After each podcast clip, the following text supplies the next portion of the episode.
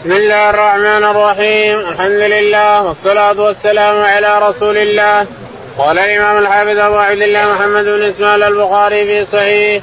باب قول الله تعالى اتخذ من واتخذ الله إبراهيم خليلا. وقوله إن إبراهيم كان أمة قانتا. قال رحمه الله دثنا سعيد بن سعيد الرعيني قال أخبرنا ابن أبي قال أخبرني جرير بن حازم أيوب عن أبي هريرة رضي الله عن محمد عن أبي هريرة رضي الله عنه قال قال رسول الله صلى الله عليه وسلم لم يكذب إبراهيم إلا ثلاثا قال حدثنا محمد بن محبوب قال حدثنا حماد بن زيد عن أيوب محمد عن أبي هريرة رضي الله عنه قال لم يكذب إبراهيم عليه السلام إلا ثلاث كذبات. اثنتين منهن في ذات الله عز وجل. قوله إني سقيم. وقالوا بل فعله كبير هذا. وقال بينه وذات يوم وسارته ذات على جبار من الجبابرة. فقيل له إن هنا رجلا معه امرأة من أحسن الناس. فأرسل إليه فساله فسأله عنها. فقال من هذه؟ قال أختي. فأتى ساره قال يا ساره ليس على وجه الأرض مؤمن غيري وغيرك وإن هذا سألني فأخبرت أنك أختي فلا تكذبيني. فأرسل اليها فلما دخلت عليه ذهب يتناولها بيده فأخذ فقال ادع الله فقال ادع الله والله أضرك. فدعت الله فأطلق ثم تناولت الثانية فأخذ منها وأشد. فقال ادع الله لي ولا أضرك. فدعت فأطلق فدعا بعد حجبته فقال إنكم لتاتوني بإنسان إنما آتيتموني بشيطان فأقدم هاجر فاتته وهو قائم يصلي فهما بيده معيا قالت رد الله كيد الفاجر أو الكافر في نحره واقدم هاجر قال أبو هريرة تلك أمكم يا بني ماء السماء. بسم الله الرحمن الرحيم الحمد لله رب العالمين صلى الله على نبينا محمد وعلى آله وصحبه أجمعين. يقول الإمام الحافظ أبو عبد الله البخاري رحمه الله في صحيحه ونحن لا نزال في كتاب بدء الخلق وفي قصة الأنبياء في أخبار الأنبياء وفي أخبار إبراهيم عليه الصلاة والسلام. يقول البخاري رحمه الله باب قول الله تعالى واتخذ الله إبراهيم خليلا اتخذ الله إبراهيم خليلا اتخذه كما أنه اتخذ محمد خليلا أيضا وهما خليلان لرب العالمين الاثنين وقال حدثنا سعيد بن كليل حدثنا سعيد قال حدثنا ابن وهب. ابن وهب قال حدثنا جرير بن حازم. جرير بن حازم قال عن أيوب عن محمد. عن أيوب عن محمد بن سيرين قال عن أبي هريرة. عن أبي هريرة رضي الله تعالى عنه أن النبي عليه الصلاة والسلام قال لم يكذب إبراهيم إلا ثلاثة. لم يكذب إبراهيم إلا ثلاث كذبات اثنتين منهما في ذات الله وهي قوله تعالى إني سقيم وقوله تعالى وكبيرهم هذا. يعني لما خرج القوم إلى إلى مصلاهم أو شيء من هذا قالوا تعالى إبراهيم معنا قال أنا سقيم مريض. ليش؟ علشان يكسر أصنامهم اللي راحوا. ولما ذهبوا وراحوا عنه أخذ الفأس وصار يكسر أصنام يكسرها يكسرها يكسرها وترك كبيرهم وعلق برقبته الفأس. لما جاءوا قالوا من اللي فعل هذا؟ قال اسألوا كبيرهم هذا إن كان ينطق اسألوه هو الفأس قالوا لقد علمت أنه ما ينطق هذه كذبتين في ذات الله.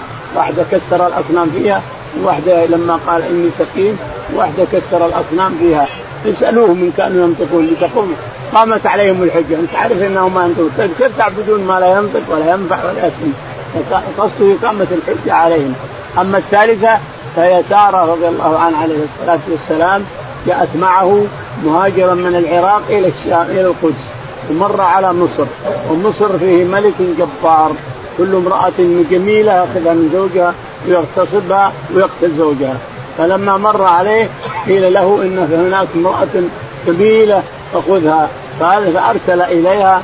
قال إبراهيم عليه الصلاة والسلام إنهم سألوني عنك فقلت أنت أختي. لأنه يقتل لو قلت زوجتي قتلني. يقتل الزوج ويأخذ المرأة. قلت إنها أختي. أرسلوا إليه. ولا تكذبيني. فإنه ليس على وجه الأرض. مسلم إلا أنا وأنت. فلا تكذبيني فأخذوها من إبراهيم، إبراهيم قعد يصلي عليه الصلاة والسلام في الصحراء خارج القصر. ودخلت سارة على الظالم. فلما دخلت عليه أخذه الله. مد يده يبي يمسكها مسك مسكت يده إلى وضع رؤسه قال ادعي الله أن يفكني. فدعت الله ففكه. لما تناول مرة أخذ بأشد وأشد وراحت إلى وراء. اليد. اليد راحت إلى وراء. يحس بألم فدعت الثالثة قالت ادعي لي فكني ولا عاد الركوع فدعت له ففكه الله تعالى وتقدس وأرسل الحجاب قال ما ادخلتم علي إلا شيطانا. شيطان هذه كلمة واخذت يدي. وأعطوها جارية. خذوها وأعطوها جارية. فأعطوها هاجر عليه عليها الصلاة والسلام. هاجر أم إسماعيل. فيقول النبي عليه الصلاة والسلام تلك أمكم يا بني ماء السماء يعني ان إن هاجر هي أم العرب كلهم لأن ولدها إسماعيل هو أبو العرب كافة نعم. قال رحمه الله دثنا عبيد الله بن موسى بن سلام عنه قال أخبرنا ابن جريج عن عبد الحميد بن جبير عن سعيد بن المسيب عن أم شريك رضي الله عنها أن رسول الله صلى الله عليه وسلم أمر بقتل الوزق وقال كان ينفخ على إبراهيم عليه السلام. يقول البخاري رحمه الله حدثنا عبيد الله بن عبيد الله قال حدثنا يقول أو ابن سلام عنه أو ابن سلام محمد وغيره قال حدثنا ابن جريج. ابن جريج قال حدثنا عبد الحميد بن جبير عبد الحميد قال حدثنا سعيد بن المسيب. سعيد بن المسيب. عن أم شريك. عن أم شريك أن النبي عليه الصلاة والسلام أمر بقتل الوزغ. الوزغ فاسق وقال إنه كان ينفخ على نار إبراهيم. جميع الحيوانات تطفي تطفي النار وهو ينفخ عليها بيزيدها بيزيد النار لهذا أمر الرسول عليه الصلاة والسلام بقتله لأن جميع الحيوانات تطفي تطفي النار وهو لا ينفخ عليها بيزيد النار على إبراهيم عليه الصلاة والسلام مع أن الله قال للنار كوني بردا وسلاما على إبراهيم.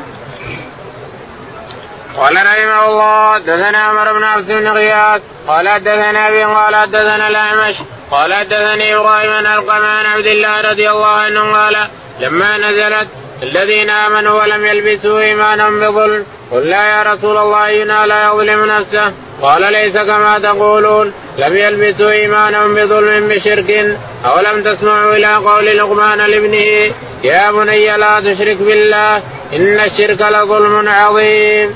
يقول البخاري رحمه الله حدثنا عمر بن حفص عمر بن حفص قال حدثنا عن أبي حفص بن عن أبي حفص بن غياث قال حدثنا الاعمش الاعمش قال حدثنا إبراهيم. إبراهيم. قال عن علقمة عن عبد عن الله علقمة عن ابن مسعود رضي الله تعالى عنه. قال لما نزلت قوله تعالى الذين آمنوا ولم لما يلبسوا نزل قوله تعالى الذين آمنوا لم يلبسوا إيمانهم بظلم شق ذلك على الصحابة رضي الله عنهم. قالوا يا رسول الله أينا لم يظلم نفسه ما في أحد منا يظلم نفسه. قال ليس كما تقولون. ذلك الشرك. ولم يعني اللي ما ظلم نفسه اللي ما أتى بشرك. فألم تسمعوا إلى قول لقمان لابنه يا بني لا لا لا تشرك بالله إن الشرك لظلم عظيم. فالظلم والشرك ما هو ظلمك نفسك الإنسان؟ الظلم أن تشرك برب العالمين هذا ظلم. يصير ظلم لنفسك وظلم لابن لأنك جنيت جناية خرجت من الإسلام. باب يزفون النسلان في المشي.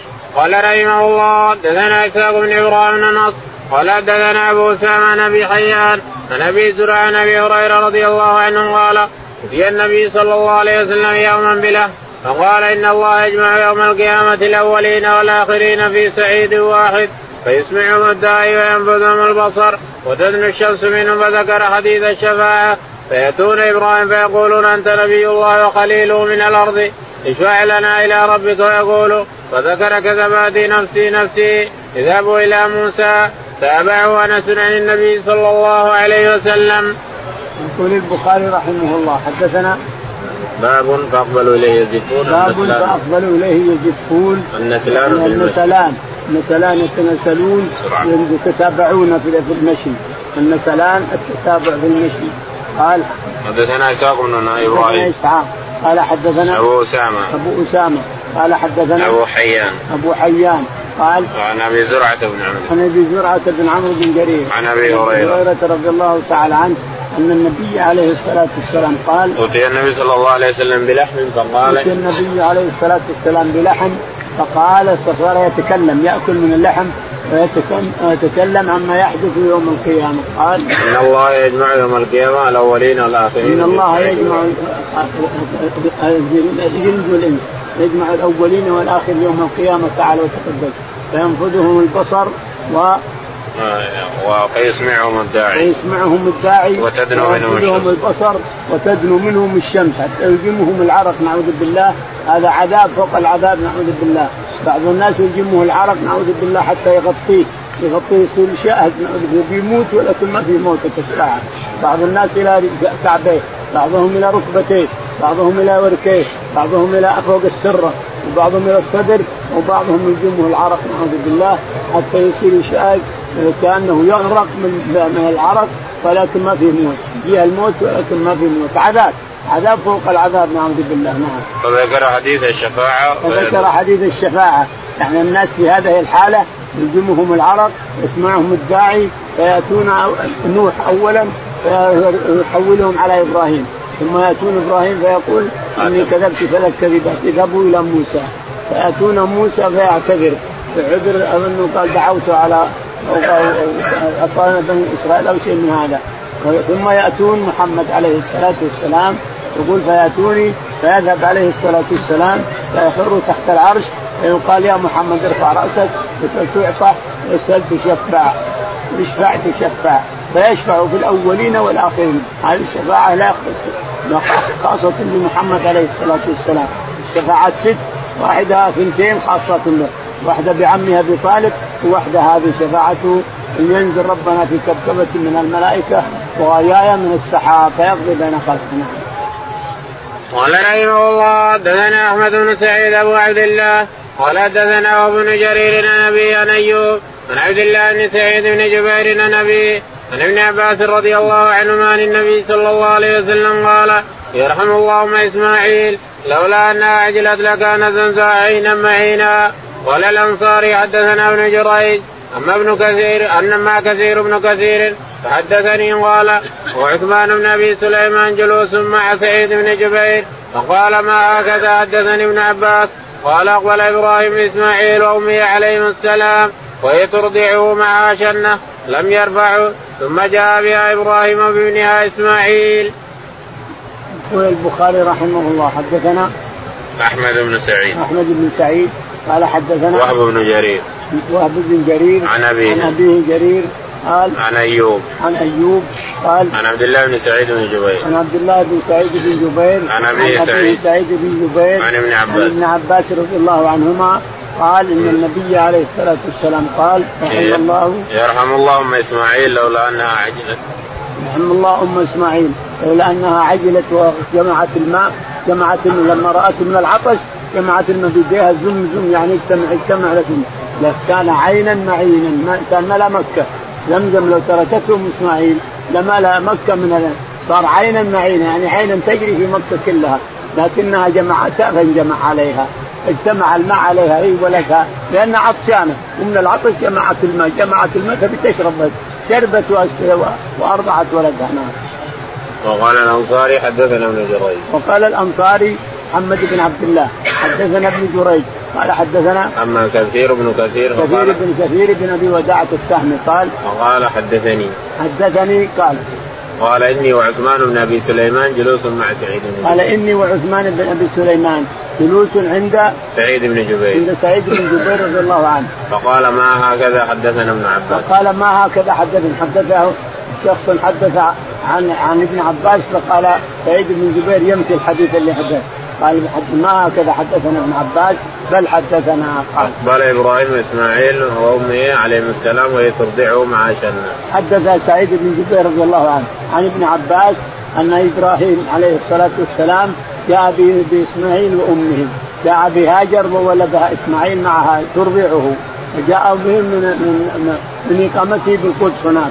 فأتى بهم إلى هنا ووضعها في هذا المكان اللي مكان زمزم يعني. فلما وضع اللوى رجع رجع على طول لما رجع لحقته قالت إلى من تتركنا؟ قال فلم يرد عليها إلى من تتركنا إبراهيم؟ قال الله أمرك بهذا؟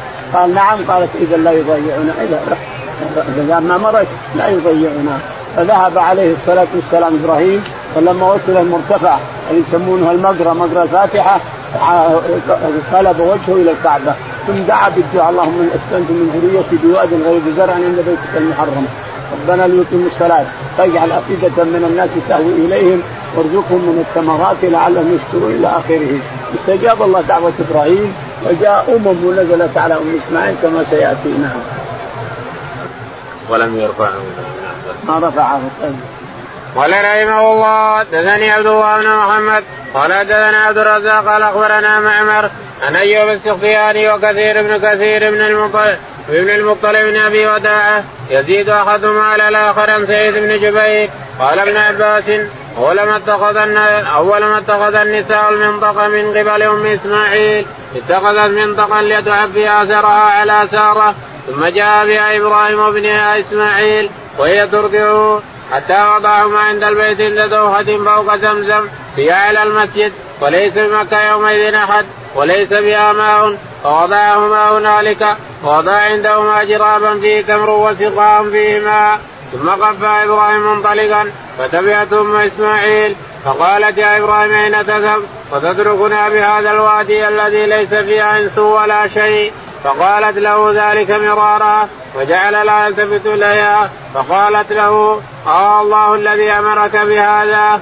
قال نعم. قالت إذا لا يضيعنا. ثم رجعت فانطلق إبراهيم حتى إذا كان عند الثنية حيث لا يرونه استقبل بوجه البيت. ثم دعا بهؤلاء الدعوات ورفع يديه فقال رب إني أسكنت من ذريتي بواد غير ذي زرع حتى بلغ لعلهم يشكرون. وجعلت أم إسماعيل ترضع اسماعيل وتشرب من ذلك الماء حتى إذا نفذ ما في السقاء عطشت وعطش ابنها وجعلت تنظر إليه يتلوى أو قال يتلبط فانطلقت كراهية ان تنظر إليه ووجدت الصفا أقرب جبل في الأرض يليها فقامت عليه ثم استقبلت الوادي تنظر هل ترى أحدا فلم ترى أحدا فهبطت من الصفا حتى إذا بلغت الوادي رفعت طرف درعها. ثم سعت سعي الإنسان المجهود حتى جاوزت الوادي ثم أتت المروة فقامت عليها ونزلت هل ترى أحدا؟ فلم ترى أحدا ففعلت ذلك سبع مرات. قال ابن عباس قال النبي صلى الله عليه وسلم وذلك سعي الناس بينهما. فلما أشرفت على المروة سمعت صوتا فقال الصه تريد نفسها. ثم تسمعت فسمعت صوتا فقالت قد أسمعت إن كان عندك قواس. فإذا هي بالملك عند موضع زمزم. فبعث بعقبه أو قال بجناحه حتى ظهر الماء فجعلت تحوض وتقول بيدها هكذا وجعلت تغرف الماء في سقائها وهو يفور بعدما تغرف قال ابن عباس قال النبي صلى الله عليه وسلم يرحم الله ام إسماعيل لو تركت زمزم أو قال لو لم تقترب من الماء لكانت زمزم عينا معينا قال فشربت واضعت ولدها فقال لها الملك لا تخاف بيعه فإنها هنا بيت الله يبني هذا الغلام وأبوه وإن الله لا يضيع أهله. وكان البيت مرتفعا من الأرض كالرابية. تأتيه السيول فتأخذ عن يمينه وشماله. فكانت كذلك حتى حتى مرت بهم رفقة من جرهم وأهل بيت من جرهم مقبلين من طريق كدا فنزلوا في أسفل مكة فرأوا طائرا هائفا. فقالوا إن هذا الطائر لا يدور على مائل لاحدنا بهذا الوادي وما فيه ماء فأرسلوا جريا أو جريين فإذا هم بالماء فرجعوا فأخبروهم بالماء. فاقبلوا قال أم إسماعيل عند الماء. فقالوا أتاذني لنا أن ننزل عندك؟ فقالت نعم ولكن لا حق لكم في الماء. قالوا نعم. قال ابن عباس قال النبي صلى الله عليه وسلم فالفى ذلك أم إسماعيل. وهي تحب الأنثى فنزلوا وأرسلوا إلى اهلهم فنزلوا معهم حتى كان بأهل أبيات منهم. يقول البخاري رحمه الله حدثنا عبد الله بن محمد. عبد الله بن محمد قال حدثنا عبد الرزاق. عبد الرزاق قال حدثنا معمر. معمر قال حدثنا أيوب. أيوب. وكثير بن كثير. كثير بن كثير بن أبي وداعة. ويزيد أحدهما على الآخر. يزيد أحدهما على الآخر. قال الاثنين حدثنا سعيد بن جبير عن ابن عباس بن جبير عن ابن عباس رضي الله عنهما أن النبي عليه الصلاة والسلام حدث عن إبراهيم عليه الصلاة والسلام وتركته هاجر. يقول إبراهيم يقول النبي عليه الصلاة والسلام إن سارة غضبت لما صار يتسررها. يتسرر إبراهيم يتسرر سارة وولدت إسماعيل غضبت غضبا شديدا وحلفت لا إنها لا تدفعن لحمة من جسدها. فلما رأى إبراهيم الغيره لساره قال أخرجي اذنيها أخرجي اذنيها يقطعن يعني كانك قطعت لحمة. فخرجت الاذنين وهو أول من فعل هذا. الأخراس اللي تضع النساء خرج اذنها ثم تحط الأخراس هنا وهنا. فبرت يمينها ولكنها تضايقت فلما رأى إبراهيم زوجة ساره أخذ أم إسماعيل وجاء بها إلى هنا ورد بها إلى هنا ثم وضعها عند زمزم هنا وضعها فيه ثم حق عنهما. راح رجع. لما رجع لحقته. قالت إلى من تتركنا؟ إلى من تتركنا يا إبراهيم؟ ما يجاوب. إلى من تتركنا يا إبراهيم؟ ما يجاوب. قالت الله أمرك بهذا؟ قال نعم. قالت اذهب إذا لا يضيعنا. إذا لا يضيعنا. فذهب إبراهيم عليه الصلاة والسلام ولما جاء المقرى المرتفع من الثنيه في وسط المدعى هنا يسمونه المقرى لما جاء التفت إلى الكعبة ودعا بالدعاء الموجود في سورة آخر سورة إبراهيم. ربنا إني أستنزل من ذريتك بواد غير زرع عند بيتك المحرم. ربنا ليقيموا الصلاة فاجعل أفئدة من الناس تهوي إليهم وارزقهم من الثمرات لعلهم يشكرون. فاستجاب الله دعوات إبراهيم. وجلست الجارية اللي هي أم إسماعيل عليه الصلاة والسلام هي وإسماعيل. جلست هنا تأكل من التمر وتشرب من الماء. لكن نفد التمر ونفد الماء. ماذا تصنع؟ صار الولد يتلوى من العطش وهي تتلوى من العطش. فصارت تطلع أو أول جبل رأته جبل الصفا. وطلعت على جبل الصفا. وطلعت طالعت طالعت ما في أحد. ما في انيس ولا في أحد. ثم نزلت ثم لما انحدرت من الوادي وصلت محل الميل الأول هذا رفعت ذيلها رفعت عن ثوبها وجرى صارت تجري تجري تركض ركض. تجري تجري تجري حتى وصلت إلى الميل الثاني اللي محلها يعني من هبط الوادي الوادي منهبط ثم بعد رفع طلعت إلى المروة فعلت هذا سبع مرات. يقول الرسول عليه الصلاة والسلام ولهذا أمرنا بالسعي. هذا أصل السعي. ابن إسماعيل هي اللي سنت لنا السعي. ومن طاف بالبيت لابد أن يسعى لأنه ركن من أركان الحج ومن أركان العمرة. الشاهد أنها سمعت صوت. قالت أسرع أغث إن كان عندك غياب فلما أتت وجدت جبريل عليه الصلاة والسلام عند إسماعيل وهو يتلوى من العطش فبحث جبريل برجله الأرض فطلع زمزم طلعت زمزم. لما رأت زمزم يفور جلست وصارت تقول زم زم زم يعني اقعد اقعد اجتمع اجتمع اجتمع. رحم الله أم إسماعيل لو تركته لصار عينا معينا. ثم اقبلوا جرهم ها؟ رات جرهم جاءت جرهم من اليمن. جرهم من اليمن. أصل من اليمن. فلما وصلوا إلى هنا وجدوا الطير يحوم، الطير لا يحوم إلا على الماء، وجدوا الطير يحوم، قالوا سبحان الله ما كان في هذا وادي ماء ولا نعلم إن في هذا فيه ماء، هذا ما فيه ماء، فارسلوا جري أو جريين، ارسلوا رسل يشوفون فلما جاءوا إلى الجارية وإلى أم إسماعيل عليه الصلاة والسلام عنده وولدها عنده؟ فنظروا إليها سلموا عليها وقالوا تأذنين لنا أن نسكن هنا؟ قالت نعم إلا إن ما لكم حق في الماء. يقول الرسول عليه الصلاة والسلام رحم الله أم إسماعيل اشترطت وهي حق الناس أرغب الناس على على أنس. ودها بالأنس. ومع هذا اشترطت رحمها رضي الله عنها وأرضاها. فلما جاءوا أرسلوا إلى قومهم وجاءت امم امم امم تتتابع امم من القبائل تتتابع ونزلت عند أم إسماعيل رضي الله عنها وأرضاها عليه الصلاة والسلام. وشب الغلام وتعلم العربية منهم وأنبتهم وأعجبهم حين شب. فلما أدرك زوجه امرأة منهم وماتت أم إسماعيل فلم فجاء إبراهيم بعدما تزوج إسماعيل طالع تركته فلم يجد إسماعيل فسأل امرأته فقالت خرج يبتغي لنا. ثم سأل عن عيش وهيئة فقالت نحن بشر. نحن في ضيق وشدة فشكت إليه. قال فإذا جاء زوجك فاقرئي عليه السلام وقولي له يغير عتبة بابه فلما جاء إسماعيل كأنه آنس شيئا فقال هل جاءكم من أحد؟ قالت نعم. جاءنا شيخ كذا وكذا. فسألنا عنك فاخبرته وسالني كيف عيشنا فأخبرت أن في جد وشدة.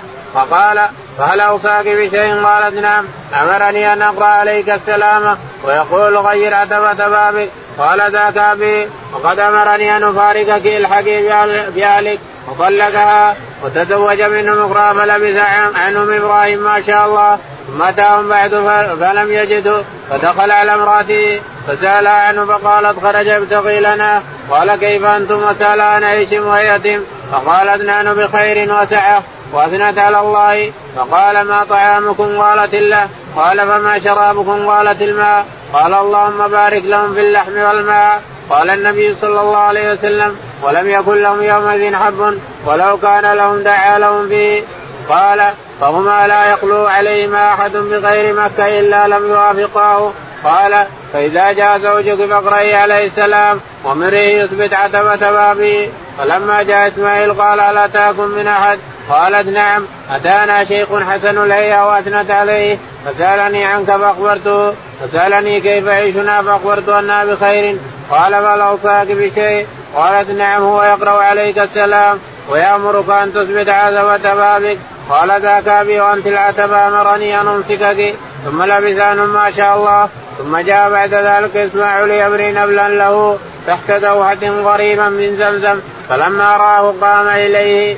قام إليه فصنع كما يصنع الوالد بالولد والولد بالوالد. ثم قال يا إسماعيل إن الله أمرني بأمر.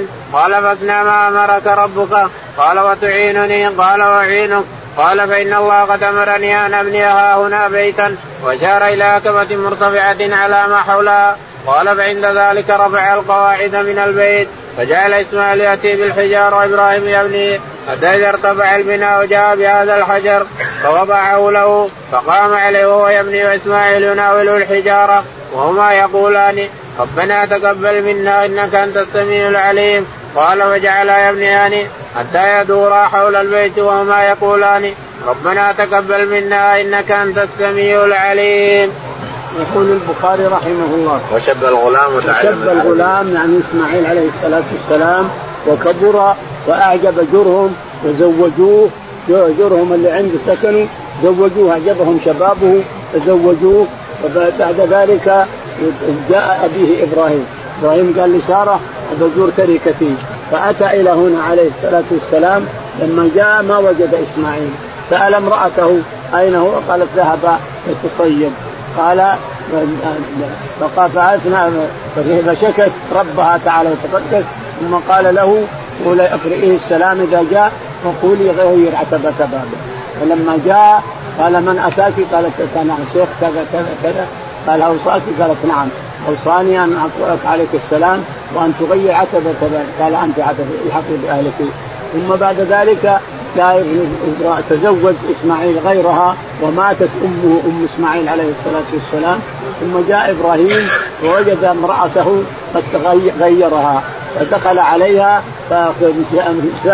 أخذت رأسه تمشطه وتقله وتحطه في البيت وقال أين هو؟ قالت كذا وكذا قال فما طعامكم؟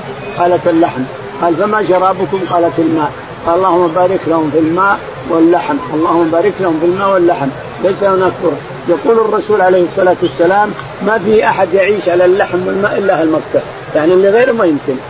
يعني في غير مكة ما يقدر يعيش على لحم وماء لكن مكة بإذن الله دعوة إبراهيم عليه الصلاة والسلام يعيش الإنسان على اللحم والماء في مكة. يعني لو ما عندك إلا لحم وعندك ماء كفاك الإنسان ويعيش هو وعياله على لحم وماء. يكفي. لكن في غير مكة ما يمكن. ما يمكن تعيش على اللحم والماء. لكن دعوة إبراهيم عليه الصلاة والسلام ثم قال لها أقضي عليه السلام وقولي له يثبت عتبة بابه. جاء إسماعيل عليه الصلاة والسلام وانتشر ريحه ابيه وقال لها هل اتى قالت نعم اتانا شيخ وصفة كذا وكذا وصفة كذا وكذا. سلكت رأسه ومشته وقال لي سألني عن طعامنا فاخبرته أن اللحم وعن شرابنا قلت الماء فدعا لي بالبركه باللحم والماء. ثم قال عليه السلام وقيل له يثبت عتبة بابه ثم بعد مدة فقال ذاك أبي وأنت عتبة بابي. بعد مدة جاء إبراهيم عليه الصلاة والسلام ووجد إسماعيل عند زمزم تحت دوحة يبري نبلا معه علشان يصيد الظبا يرمي الظبي ويصيبه بالنبل. ويجيبه لأهله ويأكلون اللحم الشاهد لما أتى وتصافح وتخام إسماعيل وإبراهيم. خم الواحد الثاني كخم الوالد للولد ثم بعد ذلك قال يا إسماعيل إن الله أمرني بأمر قال قال نعم بنفذ أمر ربك وأعينك. قال إن الله أمرنا ابن بيتا هنا. البيت هنا كان مروة مروة حمراء تتنازل السيل يجي السيل ثم يدور ثم يروح يخليها. ما يجي ما يجي السيل. حمراء مروة. مروة حمراء كانت فقال الله أمرني ان ابني بيتا ها هنا. اتعين قال نعم نفذ أمر ربك وأعينك. فصار يبنيان من من جبل أبي قبيس. لا يمكن أن تبنى الكعبة إلا من جبل أبي قبيس. لا يمكن. حجارة أبي قبيس لأنه من جبال الجنة كما ورد. فلا يبنى إلا من حجارة أبي قبيس. فجاء إسماعيل يأتي بالحجارة وإبراهيم يبني عليه الصلاة والسلام. لما ارتفع البناء حول ثلاث أمتار فوق ارتفع عن إبراهيم عليه الصلاة والسلام. أتى بحجر وكان يقف عليه. هذا المقام. وكان المقام يدور به. إذا إذا دار إلى مكان آخر دار الحجر. ما يدور إبراهيم بنفسه. الحجر هو اللي يمشي بابراهيم عليه الصلاة والسلام. حتى انتهى من بناية البيت وجعلها مربعة. يسمونها مكعبة يعني مربعة. مكعبة يعني مربعة. لها أركان أربعة. ثم لما أتم ويمشيان في البناء ويقولان ربنا تقبل منا إنك أنت السميع العليم. ودعا إبراهيم وإسماعيل بدعوتهم التي وردت. ربنا فيهم رسولا منهم يتلو عليهم آياتك ويزكيهم ويعلمهم الكتاب والحكمة إنك أنت العزيز الحكيم. استجاب الله دعوة إبراهيم وإسماعيل وبعث محمد عليه الصلاة والسلام إلى هذه الأمة. قال رحمه الله حدثنا عبد الله بن محمد. قال حدثنا أبو عامر عبد الملك بن عمرو. قال حدثنا إبراهيم بن نافع عن كثير بن كثير عن سعيد بن جبير عن ابن عباس رضي الله عنهما قال لما كان بين إبراهيم وبين علي ما كان خرج باسماعيل ام إسماعيل وهم شن فيها ماء فجعلت أم إسماعيل تشرب من الشنة فيدر لبنها على صبيها حتى قدم مكه تحت دوحة ثم رجع إبراهيم إلى أهله فاتبعت ام إسماعيل فلم حتى لما بلغ كذا نادته من ورائي يا إبراهيم إلى من تتركنا؟ قال إلى الله قالت رضيت بالله قال فرجعت فجعلت تشرب من الشن وادر لبنها على صبيها وحتى لما فني الماء قالت لو ذهبت فنذرت لعلي احس هذا قال فذهب سعيدة الصفا فنزلت ونزلت هل تحس غدا فلم تحس أحدا. فلما بلغت الوادي سعت وأتت المره ففعلت ذلك أشواطا. ثم قالت زهرنا عبد فنظرت ما فعل يعني الصبي. فذهبت فنظرت فإذا هو على اله كأنه ينشق للموت. فلم تقرها نفسها. فقالت لو ذهبت فنظرت لعلي والسادة فذهبت فصعدت السفا فنذرت ونذرت فلم تحس حتى تم السماء ثم قالت لو ذهبت فنظرت ما فعل. فإذا هي بصوت قالت أقف إن كان عندك خير. فإذا جبريل وقال بعقبه هكذا. وغمز عقبه على الأرض. فقال فانبثق الماء. فدهشت أم إسماعيل. فجعلت تحفره قال فقال أبو القاسم صلى الله عليه وسلم لو تركته كان الماء طاهرا. قال فجعلت تشرب من الماء. فيدر لبنها على صبيها. قال فمر ناس من جرم ببطن الوادي فإذا هم بطير كأنهم أنكروا ذاك وقالوا لا يكون الطير إلا على ماء فبعثوا رسولهم فنظر فإذا هم بالماء فأتاهم فأخبرهم فأتوا إليها فقالوا يا أم إسماعيل أتأذنين لنا أن نكون معك أو نسكن معك؟ فبلغ ابنها فنكع في امرأة قال ثم إنه بدا لإبراهيم فقال لعلي إني مطلع طريقتي قال قال فجاء فسلم فقال أين إسماعيل فقالت امرأته ذهب يصيده قال قولي له إذا جاء غير عتبة بابك. فلما جاء أخبرته قال أنت ذاك فذهبي إلى أهلك. قال ثم بدا لإبراهيم. فقال لعلي إني مطلع تركتي. قال فجاء فقال أين إسماعيل. فقالت امرأته ذهب يصيد. فقالت ألا تنزل فتطعم وتشرب؟ فقال وما طعامكم وما شرابكم؟ قالت طعامنا اللحم. وشرابنا الماء. قال اللهم بارك لهم في طعام وشرابهم. قال فقال أبو القاسم صلى الله عليه وسلم بركة بدعوة إبراهيم. قال ثم إنه بدا لإبراهيم. فقال لعلي إني مطلع طريقتي. فجاء فوافق إسماعيل من وراء زمزم يصلح نبلا له. فقال يا إسماعيل إن ربك أمرني أن أبني له بيتا. قال آتي ربك قال إنه قد أمرني أن تعينني عليه قال إذا نفعل أو كما قال قال فقام فجعل إبراهيم يبني وإسماعيل يناول الحجارة ويقولان ربنا تقبل منا إنك أنت السميع العليم. قال اعتذرت مع البناء وضعف الشيخ على نقل الحجارة فقال على حجر فقام على حجر المقام فجعل يناول الحجارة ويقول ربنا تقبل منا إنك أنت السميع العليم.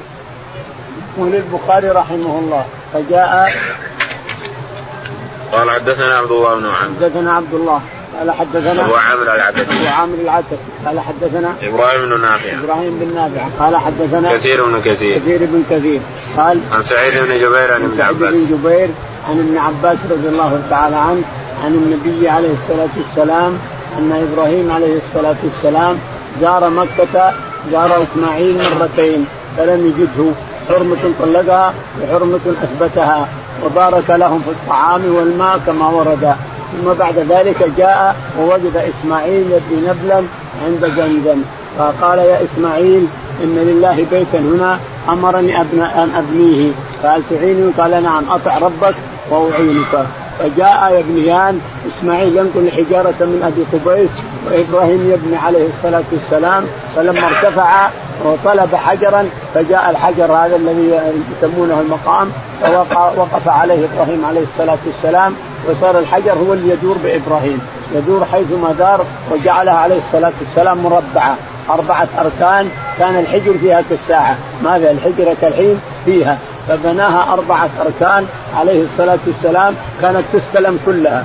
لما كان أركان البيت الذي بناه إبراهيم كانت تستلم كلها. فلما ما انتهى من بناء قريب أربعة أمتار. علو تركها عليه الصلاة والسلام وذهب إلى أهله وبقي إسماعيل على على ما هو عليه عليه الصلاة والسلام. الشاهد أنها بعد ذلك بناها بعض الخلفاء وجددوها وبنوها وبنوها حتى وصل إلى ما وصلوا إليه. ثم بعد ذلك سقفت. بعد ذلك سدها بعض الخلفاء الذين وردوا هناك وكمل وكملوا بنيتها وكان الناس يستلمون الأربعة الأركان. يستلمون الركن الحجر الأسود والركن العراقي ثم الركن الشامي ثم الركن اليماني. كلها تستلم لأنها على قواعد إبراهيم. انهدمت البيت مرة ثانية وأرادوا أن يبنوها قريش فهدموا هدموا الكعبة كلها يريدون أن يبنوها. لما وصلوا إلى قواعد إبراهيم أدخلوا العتلة فاهتزت الأرض كلها. جميع الأرض اهتزت. لما تركوها فتركوها ثم بنوا عليها. ثم أخرجوا الحجر. لما غلقت قريش.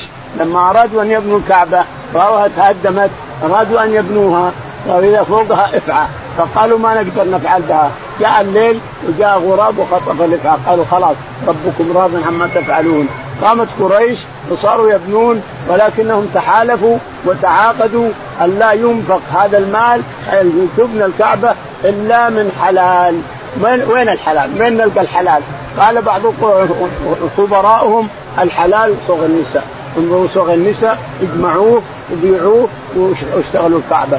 فجمعوا جميع ما, عند النساء من الذهب الأحمر ثم باعوه وبنوا الكعبة. لكن قصر المال اللي حصلوه من النساء قصر فأخرجوا الحجر هذا اللي تشوفونه ستة أذرع والسابع ليس من الكعبة، ستة من الكعبة والسابع ليس من الكعبة. ورجوه احتياط، الشاهد أن قريش بنوا الكعبة على هذا البناء الذي ترونه. وأخرجوا الحجر منه لأن النفقه قصرت بهم. لأنهم تعاقدوا وهم كفار. تعاقدوا وتعاهدوا ألا ينفق بالبيت إلا حلال إلى اخره قال رحمه الله حدثنا موسى بن إسماعيل قال حدثنا عبد الواحد قال حدثنا الأعمش قال حدثنا إبراهيم التيمي عن أبيه قال سمعت أبا ذر رضي الله عنه قال قلت يا رسول الله مسجد وضع في الأرض أول قال المسجد الحرام قال قلت ثم أي قال المسجد الأقصى قلت كم كان بينهما قال أربعون سنة ثم اينما أدركت قد صلى بعد فصلي فإن الفضل فيه.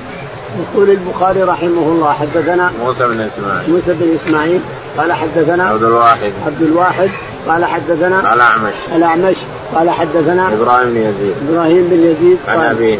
عن أبيه يزيد قال قال سمعت أبا ذر رضي الله عنه. سمعت أبا ذر رضي الله عنه يقول إن النبي أنه سأل النبي عليه الصلاة والسلام أي البيوت أي المساجد أول صار أول. قال المسجد الحرام. أول مسجد بني في الأرض المسجد الحرام. قال ثم ماذا؟ قال ثم القدس بيت المقدس. قال كم بينهما؟ قال مسافة أربعين سنة. بين هذا وهذا أربعين سنة نعم. واللي بنى بيت المقدس داود عليه السلام كمله سليمان. بناه داود وكمله سليمان. ولداود قصة لكن ما هو ما هو وقت سياقها. داود مع بناء القدس له قصة لكن طويلة وله وقت سياقها نعم. قال ثم ثم قال الرسول ثم اينما أدركتك؟ الصلاة بعد فصلي ثم قال الرسول عليه الصلاة والسلام لأبي ذر اينما أدركت؟ الصلاة فصل فإنها فضل من الله. اينما أدركت؟ الأرض كلها. يعني مو بس المسجد الحرام ولا المساجد أي مكان ادركته الأرض فصلي الإنسان فإن الفضل فيها حينئذ. حينما تصلي لربك تقبله إن شاء الله. نعم. قال رحمه الله حدثنا عبد الله بن مسلمة قال حدثنا مالك عن عمرو بن أبي عمرو مولى المطلب عن أنس بن مالك رضي الله عنه أن رسول الله صلى الله عليه وسلم طلع على أحد فقال هذا جبل يحبنا ونحبه. اللهم إن إبراهيم حرم مكة وإني أحرم ما بين لابتيها. رواه عبد الله بن زيد عن النبي صلى الله عليه وسلم. يقول البخاري رحمه الله حدثنا عبد الله بن مسلمة. عبد الله بن مسلمة القعنبي قال حدثنا مالك قال حدثنا عمرو بن أبي عمرو. عمرو بن أبي عمرو قال عن أنس بن مالك. عن أنس بن مالك رضي الله عنه أن النبي عليه الصلاة والسلام لما رجع من غزوة أحد بان له من غزوة من غزوة من غزوة تبوك بان له أحد من بعيد فقال هذا جبل نحبه ونحبنا ونحبه. هذا جبل أحد يحبنا ونحبه. جبال الجنة الذي في الأرض اليوم أحد واحد وقبيس اثنين وحيرة. ثلاثة وثور أربعة وجودي الذي رست عليه سفينة نوح خمسة. خمسة جبال الذي وردت الأحاديث أنها من جبال الجنة والباقي في النار. وقودها الناس والحجارة. نعم. وقال ورواه عبد الله بن زيد عن النبي صلى الله عليه وسلم. ورواه عبد الله بن زيد عن النبي عليه الصلاة والسلام. نعم. قال رحمه الله حدثنا عبد الله بن يوسف قال أخبرنا مالك عن ابن شهاب عن سالم بن عبد الله أن ابن أبي بكر أخبر عبد الله بن عمر رضي الله عنهما عن عائشة عن النبي صلى الله عليه وسلم قال ألم تري أن قومك بنوا الكعبه اقتصروا عن قواعد إبراهيم؟ فقلت يا رسول الله ألا تردوا على قواعد إبراهيم؟ فقال لولا حزان قومك